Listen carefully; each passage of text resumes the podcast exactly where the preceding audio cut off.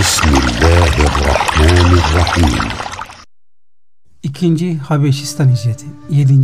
Müslümanlar 2. Habeşistan hicretine Mekke devrinin 7. senesinde mecbur kaldılar. Bu seferki sayıları 90. 77'si erkek, 13'ü kadındı. Başlarında Hz. Ali'nin büyük kardeşi Cafer radıyallahu anh vardı. Birinci Habeşistan hicretine pek aldırmayan Kureyş müşrikleri yapılan ikinci hicretten telaşa kapıldılar.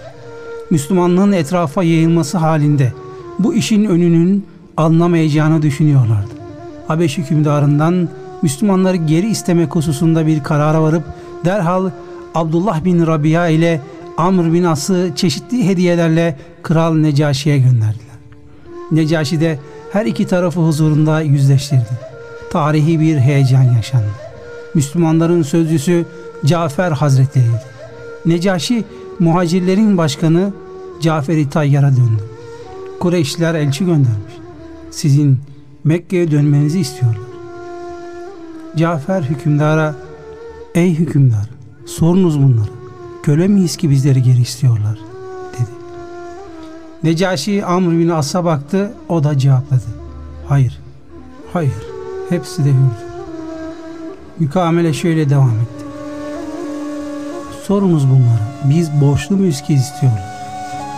Hayır. Hiçbirinin kimseye borcu yok. Sorunuz bunlara. Biz katil miyiz ki kısas için çağırıyoruz? Hayır. Böyle bir isteğimiz yok. O halde bizleri ne diye geri istiyorlar? O zaman Amr şöyle. Bunlar dedelerimizin dininden ayrıldılar. İlahlarımıza hakaret ediyor. Gençlerimizin itikatlarını bozdular. Halkımızın arasına ayrılık soktular. Bütün Mekke ahalisi ikiye bölündü. Cafer-i Tayyar söze başladı. Ey emir! Biz cahil bir kavimdik. Taştan, ağaçtan yapılmış putlara ilah diye tapardık. Ölü hayvanların etlerini yer, kız çocuklarını diri diri gömerdik. Kumar oynar, faizcilik yapar. Zinayı ve bir kadının birkaç erkekle münasebetteki iffetsizliğini hoş görür. Akrabamıza karşı vazifelerimizi bilmezdik. Komşularımızın haklarını tanımazdık. Güçlüler zayıfları ezer, zenginler fakirlerin sırtından kazanırdı. Aramızda hak nedir bilinmezdi. Allahu Teala bizler acıdı. Bizim ıslahımızı diledi de içimizden bir peygamber gönder. O peygamber asaletli, soyu temiz, kabilesi temizdi. Kendisini El Emin diye isimlendirmişti. O bizi Allah'ın birliğine çağırdı. İbadet etmeyi öğretti. Dedelerimizin putlarından ayırdı. Bütün ahlaksızlıklardan uzaklaştırdı. Kan dökmeyi, kumar oynamayı, içkiyi, faizi, yalancılığı, yetim mallarına dokunmayı yasak edildi. Bize hep iyilikleri talim. Doğruluğu, sözünde durmayı, komşu ve akrabaya iyi muamele yapılmasını, kadınların şerefini, kız çocuklarının hayatını kurtarmayı emretti. Bizi vahşetten kurtardı. Medeniyete soktu. İyi bir insan olmamızı sağladı. Biz de kendisine inandık. Onun yolunda yürüyoruz. Bu sebepten Kureyşlerin düşmanlığını kazandık. Çeşitli işkencelere uğradık. Dayanamadık. Fakat dinimizden de dönmek istemediğimizden peygamberimizden izin alarak hükümdarlar arasında seçmiş olduğumuz sizin ülkenize geldik.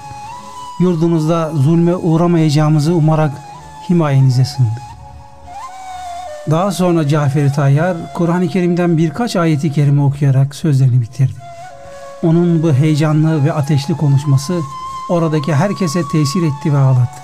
Kendisini dikkatle dinlemiş bulunan Habeş Kralı Decaşi de Allah'a yemin ederim ki bu sözler Hz. Musa'ya ve Hz. İsa'ya inen vahiylerin kaynağındandır dedi.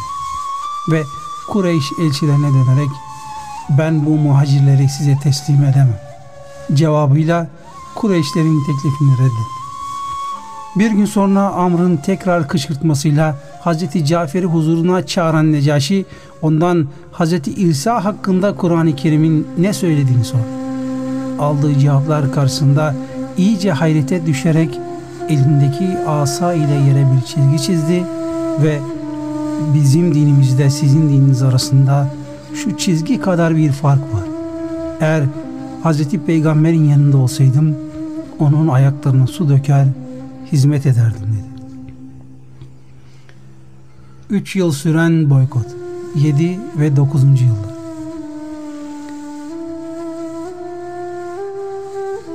İslam bütün engellemelere rağmen gün geçtikçe gelişme kaydediyor ve bu durum müşriklerin kin ve hasetlerinin artmasına sebep oluyor.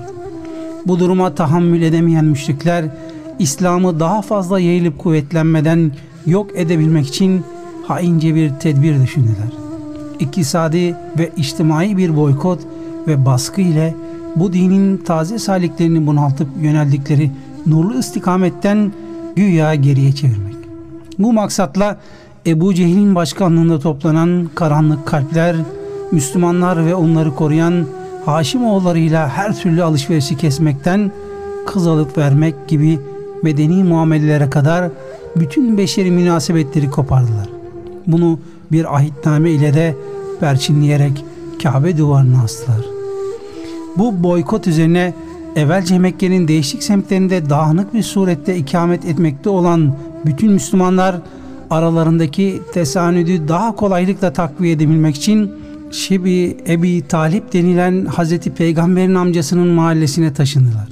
Resulullah sallallahu aleyhi ve sellem de Erkam'ın evinden çıkarak bu mahalleye yerleşti. Büyük bir mahrumiyet dönemi başlamıştı. Ebu Cehil ve onun azgın adamları gece gündüz Müslümanların mahallesini gözlüyorlar ve oraya kaçak erzak girmesine dahi mani olmaya çalışıyorlardı. Bu devrede Müslümanlar pek çok zahmet çektiler. Bazı kereler karınlarını ağaç yapraklarıyla doyurmak zorunda kaldılar. Çocuklar açlıktan kırılıyorlardı. Onların feryadı mahallenin dışından bile duyulur bir hale gelmişti.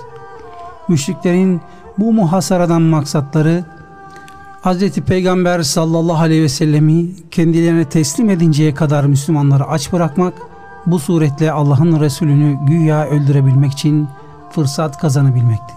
Ancak Ebu Talib'in ön ayak olmasıyla Haşimoğullarıyla birleşmiş bulunan Müslümanlar Hz. Peygamber sallallahu aleyhi ve sellemi koruyabilmek için kanlarını son damlasına kadar akıtmaya kararlıydılar.